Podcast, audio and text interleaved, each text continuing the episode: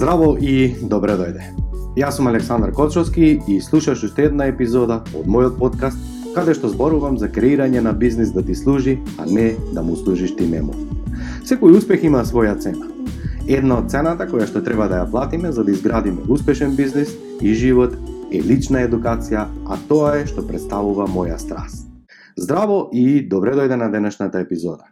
Со обзир на тоа дека наскоро започнува новиот циклус на Mastermind програм, во оваа епизода сакам да ти опишам како изгледа соработката со мене преку Mastermind програмот, така што оваа епизода ќе ти помогне да дознаеш повеќе доколку се интересираш за мојот начин на работа, а ако не, тогаш оваа епизода може би ќе ти помогне да видиш како јас сум го структурирал својот програм и што е тоа што можеш да научиш и примениш во својот бизнис.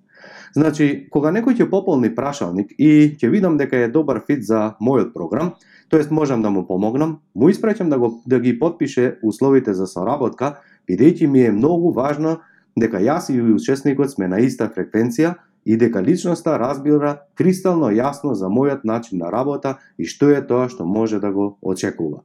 Ако личноста се согласи со тоа, Тогаш влегува во програмот и за 24 часа добива пристап на Каджаби платформата, каде што се наоѓаат видео лекциите за да има време да започне со програмата, ги усвои термините, па на заедничките средби со останатите учесници биде подготвен активно да учествува. Тоа е важно за никој да не се почувствува како аутсайдер, туку веднаш да влезе со елан и самодоверба.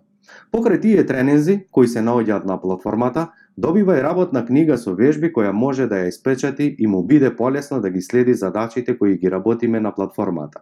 Еднаш неделно на имаме Zoom состанок кој уште го нарекуваме и Power Hour, каде што одговарам индивидуално на нивни прашања поврзани со темата за таа недела, како и заедничко спедодување за тоа како останатите ги завршиле задачите. Тоа е уште еден момент на просветлување, бидејќи кога останатите слушаат како ти си одговорил, а ти гледаш како останатите, добиваш идеи како може уште подобро да ги примениш кај себе.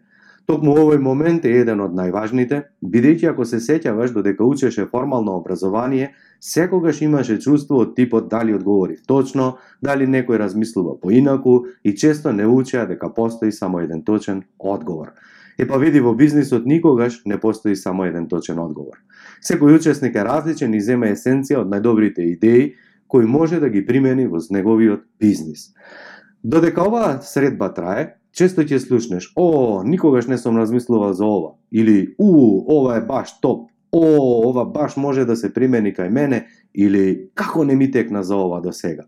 Покрај тоа имаме и интерна група на Slack, затоа што е битно во рамките на тие 4 месеци предприемачите да можат да, да тражат фидбек не само од мене, туку и од заедницата и на тој начин можат да споделат информации за своите бизниси, но и да си помагаат помеѓу себе.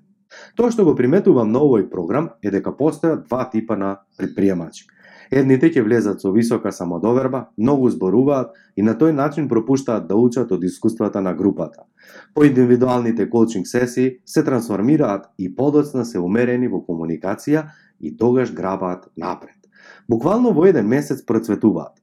Дуплираат продажба, вработуваат куп луѓе, лансираат нови производи или подобрени понуди, а втората група се молчеливи на почетокот, дури и неприметливи, посветено и дисциплинирано ги завршуваат задачите и веднаш ги, кога ќе ги применат во пракса сите задачи, по некое време ќе споделат на заедничките средби дека нивниот бизнис експлодирал.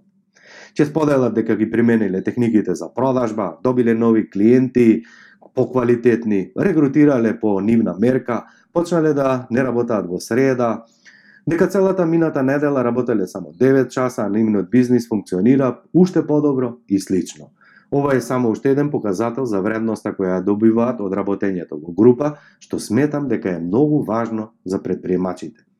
Па некој ќе кликне на втората средба во делот на дефинирање на развојна стратегија, некој во осмата во делот на креирање неодолива понуда, која е пет пати поскапа од онаа која што до сега ја нудел, некој на 12-та средба во делот на мојот авторски модел ABC и ќе сподели дека го преправил целосно својот бизнис план мина, за минатиот месец и ја дуплирал продажбата, затоа што едно е сигурно, а тоа е дека на крајот сите ќе успеат.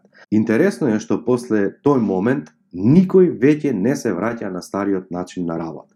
Ако предходно се малтретирале да добијат нови лидови или клиенти, сега имаат алат и стратегија, па нивната листа на чекање е постојано полна и бираат со кој клиент ќе работат, по кои услови и по која цена.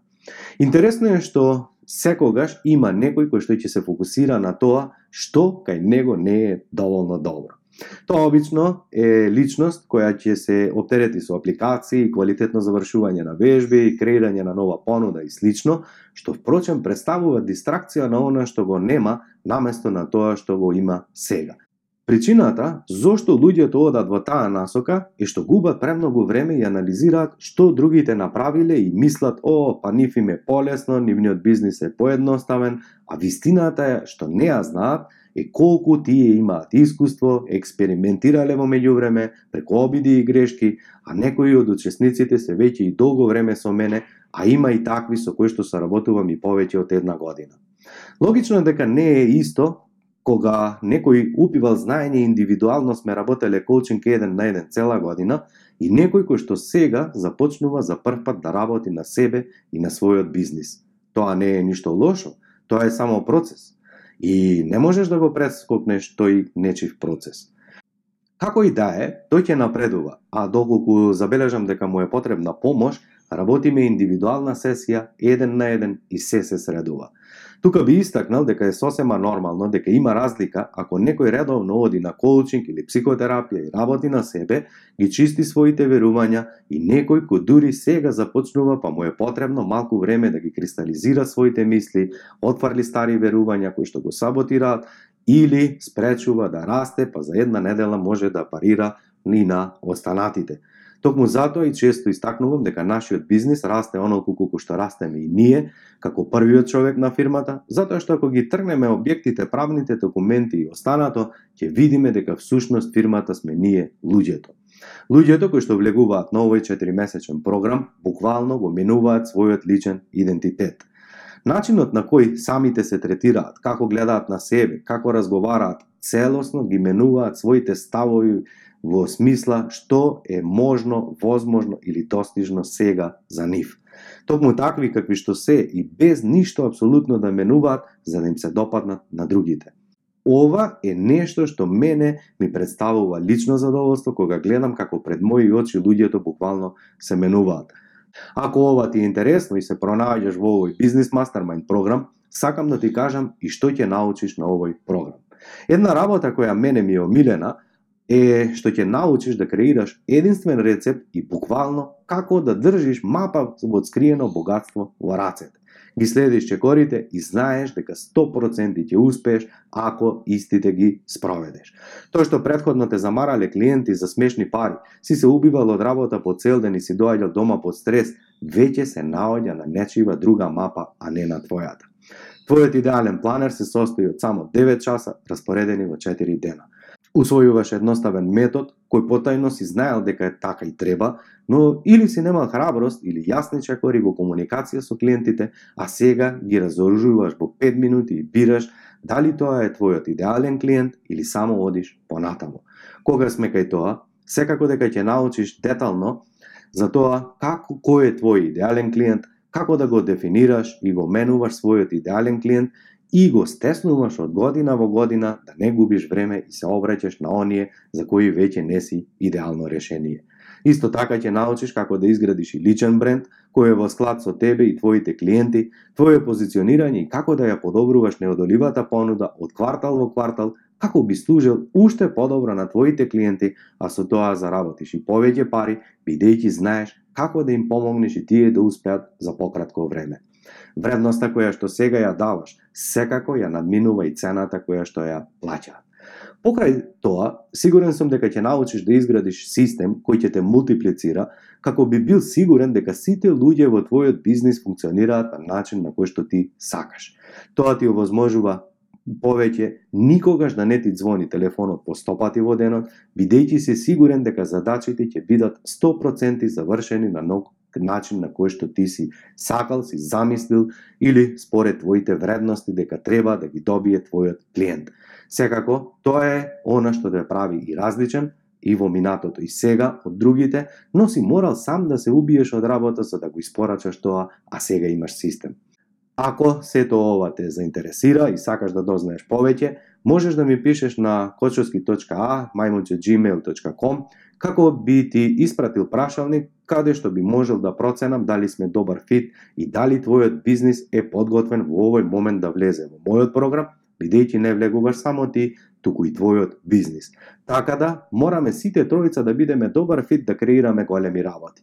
Ако те интересира, се слушаме наскоро и баш би сакал да слушнем за тебе и твојот бизнис. Ти благодарам што одвои време да ме слушаш на овој подкаст. Доколку сакаш да соработуваш со мене, најдоброто место е да се информираш за актуелните понуди е www.aleksandarkočovski.com и секако немој да заборавиш да се претплатиш на мојот ньюслетер, каде што исто споделувам бесплатни информации и навремено ќе дознаеш за сите бесплатни онлайн тренинзи.